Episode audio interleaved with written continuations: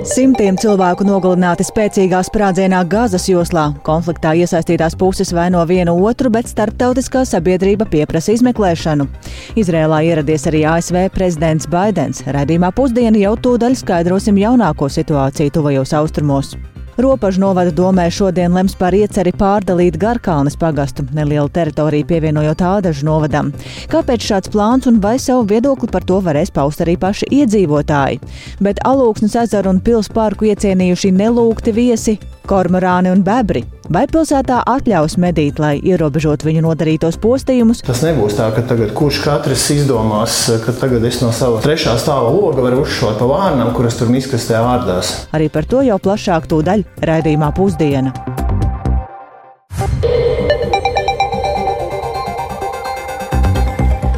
12,5 minūtes skanējuma sāk ziņu raidījums pusdiena, plašāk skaidrojot šīs dienas, 18. oktobra būtiskos notikumus. Studijā Dāca Pēkšēna, esiet sveicināti! Pasaules uzmanība šodien ir pievērsta vairākiem karstajiem punktiem, un vispirms runāsim par to, ka iespējams simtiem cilvēku ir nogalināti spēcīgā sprādzienā vienā no Gāzes joslas lielākajām slimnīcām. Gāzes joslā valdošais teroristu grupējums Hamas notikušajā vaino Izrēlu, kas savu vainu kategoriski noliedz. Starptautiskā sabiedrība tikmēr nosoda uzbrukumu slimnīcai un pieprasa veikt izmeklēšanu. Notikušā dēļ ir atcelta šodien Jordānijā paredzētā Arābu valstu līderu tikšanās ar ASV prezidentu Džo Baidenu, kurš ir ieradies Izrēlā. Šobrīd man līdzās studijā ir kolēģis Uldis Čēsberis, lai tad pastāstītu vairāk par aktuālo informāciju un notikumiem tuvajos austrumos. Sveiks, Uldi, un saki, kas tad šobrīd ir zināms par šo uzbrukumu gāzes slimnīcē? Jā, labdien! Hamas apgalvo, ka vakar vakarā Izraēlas aviācijas uzbrukuma laikā lādiņš esot trāpījis El Ahli slimnīcai, bet eh, Gazas joslas veselības ministrija, ko kontrolē šis pats Hamas, ziņo, ka triecienā ir nogalināti 500 cilvēku. Nu, šo informāciju tā neatkarīgi nevar apstiprināt, jo tā ir, protams, tikai mm, informācija, ko sniedz mm, Hamas eh, iestādes. Bet eh, Izraēla noraida Hamas apsūdzības un apgalvo, ka notikušajā ir vainojama iespējama nomaldījusies raķete, ko esot izšāvis cits vietējais radikālais grupējums Islāma džihāds. Un uh, Izraēlas premjerministra Benjamina Netanjahu vecākais padomnieks Marks Regevs uh, sarunā ar telekanālu Sky News nu, mudināja nesteigties ar secinājumiem par notikušo un varam arī paklausīties viņa teikto. Es aicinu būt piesardzīgiem un vēl nenākt klajā ar spriedumu. Mēs neticam, ka tie bijām mēs. Mēs turpinām izmeklēt, bet neticam, ka tā bija mūsu vaina. Visi pierādījumi liecina, ka tā bija raķete, ko izšāva Islāma džihāds, Hamas, jaunākais brālis. Tās dviņu teroristu organizācija. Tā bija viņu raķete. Izrēla nemērķē uz slimnīcām. Jā, bet Izraels armija nesen ir publicējusi video un arī audio materiālus, kas it kā pierādot to, ka Islāma džihāds eh, kaujinieki izšāva raķeti no uh, kapsētas, kas atrodas aiz slimnīcas, bet nu, tā uzreiz pēc palaišanas ir nokritusi slimnīcas stāvvietā un uzsprāgusi. Bet nu, arī šo te informāciju neviens neatkarīgi vēl nav apstiprinājusi, un daži mēdīji jau ir ķērušies pie darba, lai to um, faktuāli pārbaudītāji to pārbaudīs. Bet uh, rietumvalstu līderi ir nosūtījuši nosodījuši šo uzbrukumu slimnīcai, un, piemēram, Francijas prezidents Emmanuels Makrons paziņoja, ka nekas nevar attaisnot uzbrukumus civiliedzīvotājiem. Bet uh, Eiropas Savienības padomas prezidents Šarls Mišels norādīja, ka uzbrukumi civilējai infrastruktūrai ir pretrunā ar starptautiskajām normām. Un ļoti asi uz notikušo ir reaģējušas Arābu valstis. Vairākās valstīs notika plaši protesti, bet um, Jordānija paziņoja, ka atceļ šodien paredzēto samitu, kurā vajadzēja piedalīties ASV prezidentam Džo Baidenam, Palestīnas palestīniešu pašpārvaldes prezidentam Mahmūdam Abāsam, Jordānijas karalim Abdulam un Eģiptes prezidentam Abdel Fatāham S. Sisi. Uh, un, jā, jāsaka, ka Baidens pirms aptuveni stundas nolaidās Telavivas uh, Ben Guriona lidostā, kur viņu sagaidīja Izraels premjerministrs Benjamins Netanjahu. Uh, prezidents tiksies arī ar Izraels kolēģi Itshāku Hercogu, bet nu, par viņa vizītes, vizītes norisi vairāk dzirdēsiet citos ziņu izlaidumos, ziņu, ziņu raidījumos. Bet saka, kāda ir tā humānā situācija Gāzes joslā, kuras iekšienē ir pārvietot aptuveni 600 tūkstoši cilvēku. Jā, nu situācija ir ļoti smaga, jo Izraēlas ieviestās totālās blokādes dēļ Gazas joslā trūkst pirmās nepieciešamības lietu. Un ANO ģenerālsekretārs Antonio Guterres šodien aicināja Izraēlu un arī Hamas nekavējoties noslēgt humanitāro pamieru, lai tad atvieglotu cilvēku milzīgās ciešanas. Un viņš norādīja, ka pašlaik uz spēles ir likts visa to austrumu reģiona liktu, liktenis, un arī ANO iedzīvotāju fonda pārstāvis palestīniešu teritorijās Dominiks Allens uzsver, uzsvēra, ka palīdzība ir nepieciešama nekavējoties un paklausamies. Viens ir, protams, nekavējoša platjoslas interneta savienojumības atjaunošana Ukrajinā. Šobrīd gan līdz. Jā, nu tā tad. Jā, Tātad viņš arī uzsvēra, ka palīdzība ir nepieciešama nekavējoties, un tieši to, ka galvenā prioritāte ir ūdens, pārtika, medikamenti un uh, degviela elektrības uh, ražošanai. Viņš arī sacīja, ka uh, visiem Gazas joslas iedzīvotājiem ir tiesības saņemt medicīnisko palīdzību, un tāpēc ir jāatver humanitārais koridors, lai medikamentus, kas atrodas jau uz, gaz, uz robežas ar Ēģipti, varētu nogādāt arī Gazas joslā. Un, un, jā, tā tad jā, viņš uzsver, ka tā, tad, tas ir nepieciešams pēc iespējas drīzāk. Un tad šodien arī ANO drošības padomē varētu notikt balsojums par rezolūciju, ko ir izstrādājusi Brazīlija, un tā aicinās ievērot šo humanitāro pauzi, lai tā tad Gazas joslā varētu nogādāt humāno palīdzību. Paldies Holdim Česberim. Es tikai vēl piebildīšu to, ka arī Latvijas politiķi ir mudinājuši rūpīgi izmeklēt raķetes trāpījumu slimnīcai Gāzes joslā. Latvijas prezidents Edgars Rinkēvičs ir paziņojis, ka slimnīca un nevainīgu civiliedzīvotāju bombardēšana ir nožēlojama un nepieņemama un pret starptautiskajām tiesībām. Savukārt runājot par Ukrainu, kur aizvien turpinās Krievijas izvērstais karš, un um, tas nozīmē, ka arī Ukrainai ir vajadzīgs mūsu atbalsts, tad uh, šodien ir parakstīts digitālais memorands, kas paredz sadarbību infrastruktūras atjaunošanā. Un kā šorīt raidījumā labrīt kolēģiem Martai Skujai un Laurim Zvēniekam sacīja satiksmes ministrs Kaspars Biškens no progresīvajiem, tad Ukrainas sagrautās komunikācija infrastruktūras dēļ kopējie zaudējumi ir mērāmi vairāk nekā 2 miljārdu eiro apmērā, un tāpēc ir noslēgts desmit punktu rīcības memorands, kas eh, ietvers vairākus rīcības virzienus. Paklausīsimies!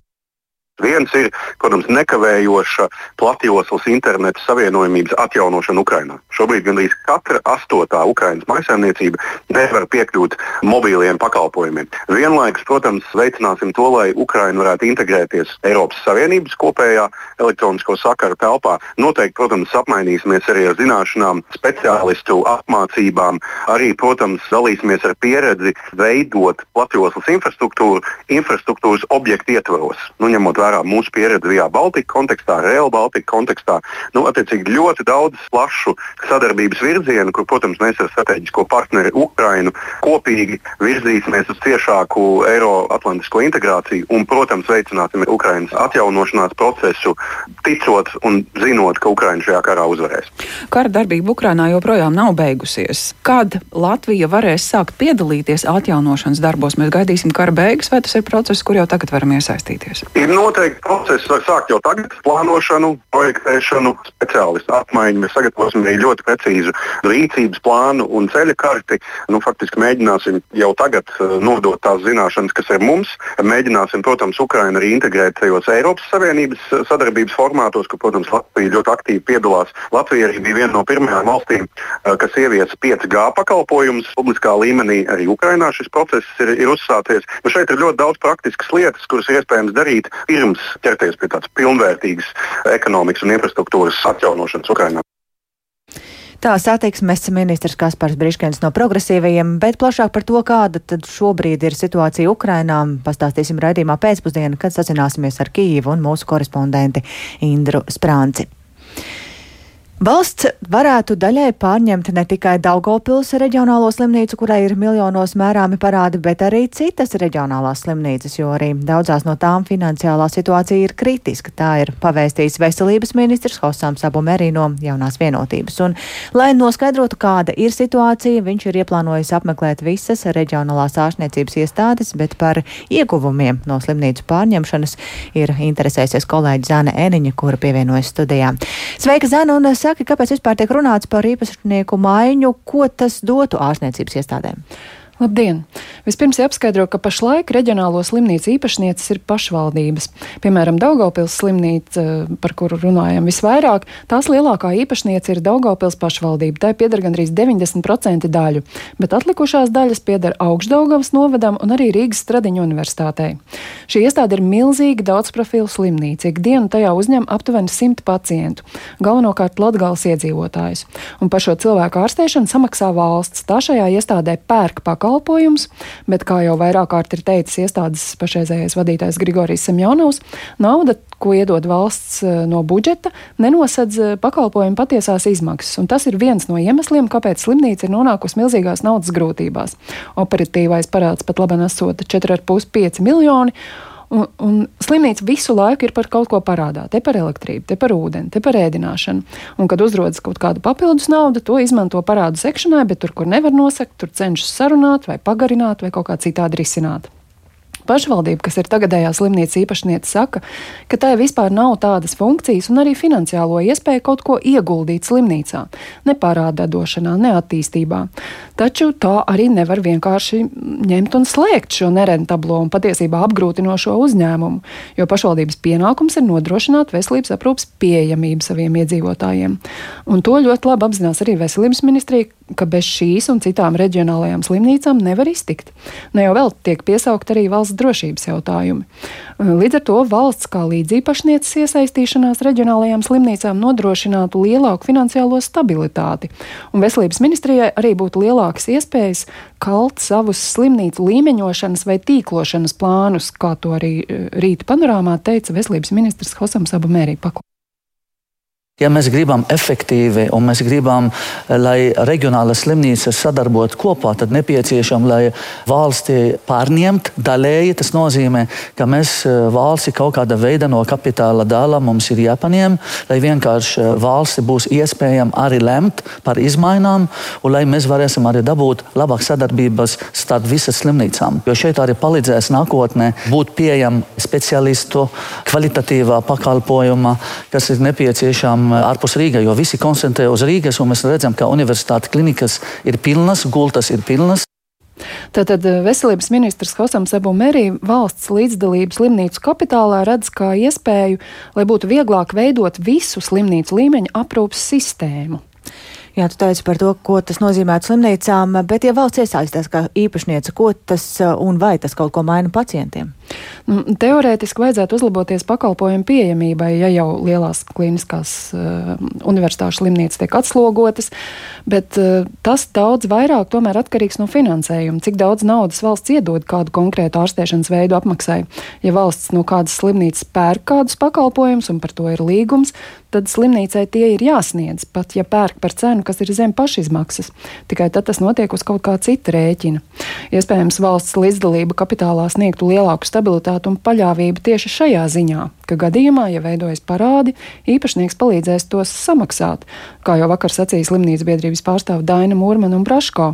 Taču viņa arī pauda, ka valsts neobligāti ir tas labākais saimnieks, un tas jau diezgan labi redzams kaut vai situācijā ar Stradiņas slimnīcas jaunā korpusa celtniecību. Stradiņas slimnīca ir valsts kapitāla sabiedrība, kurā visas kapitāla daļas pieder valstī. Tomēr iestāde iekavēto celtniecības termiņu dēļ visticamāk zaudēs 46 miljonus Eiropas fondu finansējumu.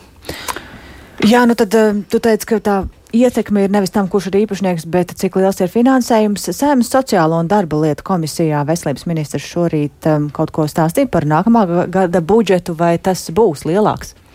No šī rīta veselības ministrijas prezentācijas komisijā saprata, ka galvenais, ar ir tas, ar ko salīdzina un ko ņem par atskaites punktu. Bet jā, papildus piešķīrums 275 miljonu apmērā ir paredzēts, un kopējais finansējums nozarē nākamgad plānots gandrīz 1,9 miljārdu eiro apmērā, kas būs 11,8% no kopējā valsts budžeta, un tas jau daudz neatpaliek no Pasaules veselības organizācijas rekomendētajiem 12%. Paldies Zanai Eniņai par šo skaidrojumu. Tātad runājām par reģionālajām slimnīcām, bet mēs turpinām ar to, ka tik tuvu lēmumam par sabiedrisko mediju apvienošanu neesam bijuši. Tā šodien ir izskanējis Saimas cilvēktiesību un sabiedrisko lietu komisijas sēdē. Vairums komisijas deputāti piekrīta virzīt skatīšanai Saimā grozījumus sabiedrisko elektronisko plašsaziņas līdzekļu un to pārvaldības likumā, ko galīgajā lasījumā sola pieņemt līdz nākamā gada februārim. Un vairāk par šo tematu pastāstīs kolēģis Jānis Kīncis, kurš pievienojas tiešaidē. Sveiks, Jāni! Sveiki, Dārts, sveicināti radio klausītāji! Šī nav pirmā reize pēdējo gadu laikā, kad saimnes darba kārtībā nodos likuma grozījums par sabiedrisko mediju apvienošanu no 2025. gada. Kopš pavasara likumā ir veikti atsevišķi tehniski labojumi, taču šoreiz likumu pavada arī valdības lēmums par papildu finansējumu turpmākajos trīs gados sabiedrisko mediju darbam, un to apvienošanai saimā ir politisks atbalsts. Tāpēc Sabiedrisko elektronisko plašsaziņas līdzekļu padomas vadītājs Jānis Siksnis jau ar lielāku pārliecību varēja atkārtot ieguvumus no šī procesa. Tas būtu plašāks um, satura klāsts sabiedriskajos medijos, digitālā satura attīstība, juridisko šķēršļu noņemšana kopīgu projektu uh, veidošanā, vienlaikus saglabājot Latvijas radio un Latvijas televīzijas zīmolus un identitāti. Atbalstu šiem plāniem apliecināja arī par mediju politiku atbildīgās kultūras ministrijas parlamentārā sekretāre Agnese Lāce. Tas ir eh, plašāks jautājums. Labi pārvaldīts un attīstīts sabiedriskais mēdījis ir nozīmīgs elements valsts drošībai. Šī ir arī viena no prioritātēm nacionālā drošības koncepcijā. Jau, protams, uzskaitīti ieguvumi šim apvienošanas procesam gan eh, vienmērīgāka pakalpojuma attīstība un uzlabota konkurētspēja, gan eh, tas, ka mūsdienās ir nepieciešams pielāgoties ļoti straujām izmaiņām mēdīju vidē un izmantot dažādus tehnoloģiskos risinājumus, lai patiešām pilnvērtīgi sasniegtu auditoriju. Sagatavotais plāns paredz, ka līdztekus šī likuma plānotai virzībai saimā nākamā, nākamā gada laikā Sabiedrisko elektronisko plašsaziņas līdzekļu padome un Sabiedrisko mediju vadība pievērsīsies mediju apvienošanas praktiskiem uzdevumiem, apvienot sabiedriskā mediju pārvaldības modeļu izveidēji, atalgojumu sistēmu salāgošanai un citiem praktiskiem uzdevumiem. Sabiedriskiem medijiem apvienošanas procesā turpmākajiem trīs gadiem ir paredzēts lielāks finansējums, ko paredz valdībā atbalstītais lēmums, kas gan vēl jāskata arī saimā. Tas paredz, ka līdz 2028. gadam sasniegtu 0,12% no iekšzemes koprodukta. To ir būtiski izmantot, vienlaikus arī meklējot finansiālo stabilitāti ilgākā termiņā. Tas izriet no Latvijas televīzijas valdes locekļa Ivara Priedes un Latvijas radio valdes locekļa Girta Helmaņa teiktā. Ir spēts ļoti liels solis pretīm apvienošanai. Esam nonākuši jau pie pietiekoši labi prognozējuma trīs gadu finansējuma apjoma. Svarīgākais, kas manuprāt, ir pieturēties pie mērķa priekšā daudz darba, lai nodrošinātu sekmīgu viena mēdīja darbību jau no 25. gada. Darbs, kas tika izveikts arī finansēšanas modeļu sabiedriskajiem mēdījiem darba grupā, kaut kādā mērā viņš ir rezultējies, bet droši vien, ka jāskatās arī kādā ilgtermiņā. Respektīvi, tas eh, šī brīža kompromiss panāktais ir attiecināms tikai uz vidēja termiņa budžeta ietvaru nākamajiem trim gadiem, un kaut kādā mērā pie šīs konstruktīvās diskusijas būs jāatgriežas. Saimnes cilvēktiesību un sabiedrisko lietu komisijas sēdē deviņi deputāti bija par un divi bija pret likuma grozījumu iekļaušanu saimnes nākamās sēdes darba kārtībā. Deputāti turpmākajos lasījumos vēl gatavos arī priekšlikumus un likumprojektu tātad varētu arī papildināt. Un galīgajā lasījumā to ir iezerēts pieņemt līdz februārim. Dacep. Paldies Jānim Kīncim, runājam par sabiedrisko mediju apvienošanu. Bet kāpēc ir iecerēts pārdalīt Garkalnes pagastu kādu teritorijas daļu pievienojot ādažu novadam? Par šādas ieceres nodošanu sabiedrības vērtējumam šodien lems Ropažu novadome, un sadalīšanas plāns paredz vairākus variantus. Iecerēts ir, ka iedzīvotāji tā vērtēšanā varēs piedalīties līdz 28. novembrim.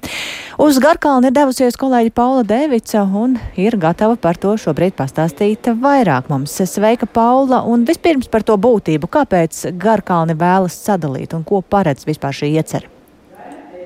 Sveika, Dārts! Labdien, arī Latvijas radio klausītāji! Eh, tātad, jā, šī sadalīšana ir saistīta ar um, pēdējo notikušo administratīvu teritoriālo reformu.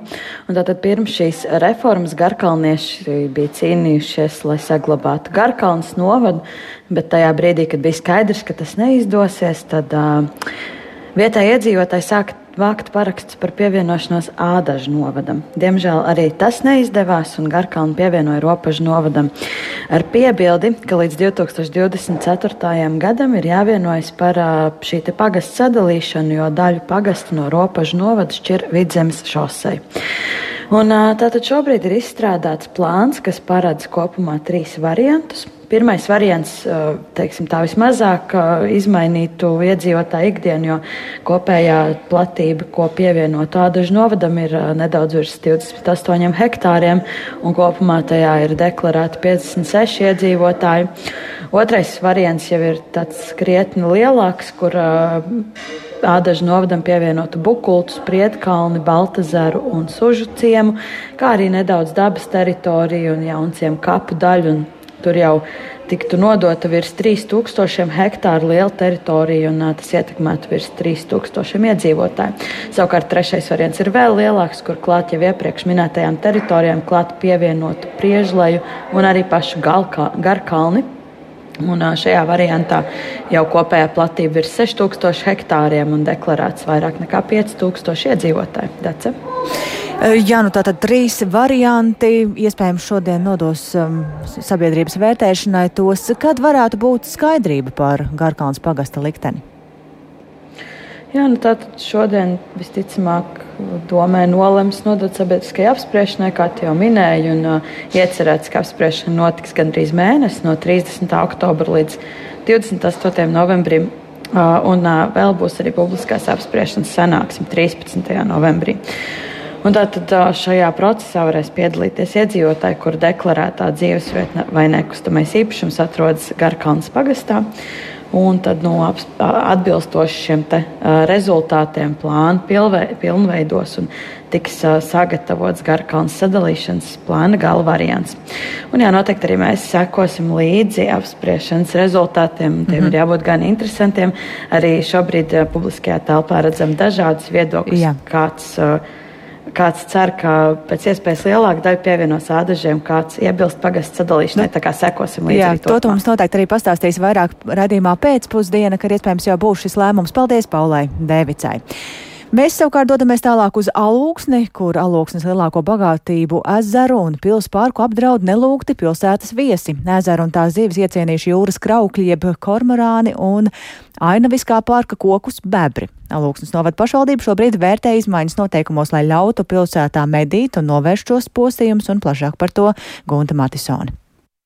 Alūksnē pilsalā, kur atrodas novada pašvaldības ezeru un upju apsaimniekošanas aģentūra Alja, tiekos ar tās direktoru Māru Lietuvieti, un no viņa kabineta loga jau var redzēt, ka ik pa brīdim ezerā ienirst kāds liels putns. Tas ir jūras krāklis jeb kormorāns, kurš, kā stāsta Mārs Lietuvietis, pēdējos gadus iecienījis Alūksnes ezera zivju krājumus. Kaut kādus astoņus gadus atpakaļ ieradās pirmie pāri jūras kraukļu kormorānu, un pēc kaut kādu sešu, astoņu gadu laikā mums katru pavasari jau ierodās ap 300 putniem. Lielākā problēma ir tā, ka šie putni nevien apēda ievērojamu daudzumu zivju, bet ar saviem asajiem knābjiem vēl vairāk zivju arī savaino. Viens kormorāns dienā apēda zivis savā svarā pat nedaudz vairāk, kas tad ir pusotrs līdz divi kilogrami.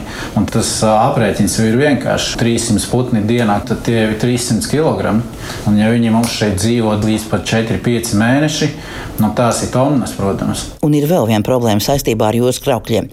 Jo koku audzēs, kur iemitnās šo putnu bari, var teikt, ka palīdz paliek pāri melna zeme. Viņš dzīvo izteikti uz salām un, šeit kokos un, un zem kokiem, kas ir vegetācija, būtiski cieši no viņa izkārnījumiem. Šīs kāpuma dēļ. Problēma, kas ir arī jau daudzās pilsētās, un tagad samilzus arī alūksnē, ir bebra postījumi. Nogāžot vienu no bērniem savu darbu, tie jau ir pastrādājuši alūksniešu iecienītajā atpūtas vietā līkais bērns. Atlikušie divi koki tagad apvilkti ar sietu, bet lielākā sāpe ir par ainavisko pilsparku, kur arī bebri sākuši ieviest savu kārtību kārtību. Kad cilvēks savā mājā grib nocirst kādu vecu augsni, Viņam tad jāprasa atļaujas, bet eh, bedres to izdara bez atļaujas un cērt visus kokus pēc kārtas. Tā situācija, kurai ir jāmeklē risinājums, pamato Alūksnes novadomas priekšādātāja vietnieks Drušs Tomsons. Katrā pilsētā tas eh, nu, nosacītais kaitnieks ir dažāds. Mēs skatāmies vairāk no tā, kur mums ir eh, pretrunas tādā lietā, par ko mēs ļoti rūpējamies. Teiksim, Alūksnes ezers visiem ir slavens ar zivju resursu, kas nav radījis pats par sevi, ko mēs esam lolojuši, sargājuši un papildinājuši. Un ir šis jūras krauks auglis, tad bebris jau neskatās, vai tie ir speciāli stādījumi, tā ir viņam barība.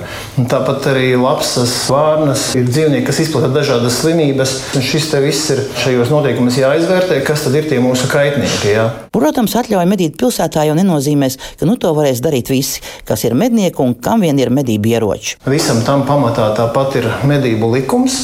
Tas nebūs tā, ka tagad kurš katrs izdomās, ka tagad es no savas trešā stāva loga varu uzšaut pa vārnam, kuras tur miskastē ārdās. Tas viss būs organizēts ar papildus šo drošību, jo tā tomēr ir pilsēta. Alūksnes nodā grozījums saistošajos noteikumos paredzēts pieņemt jau šodien.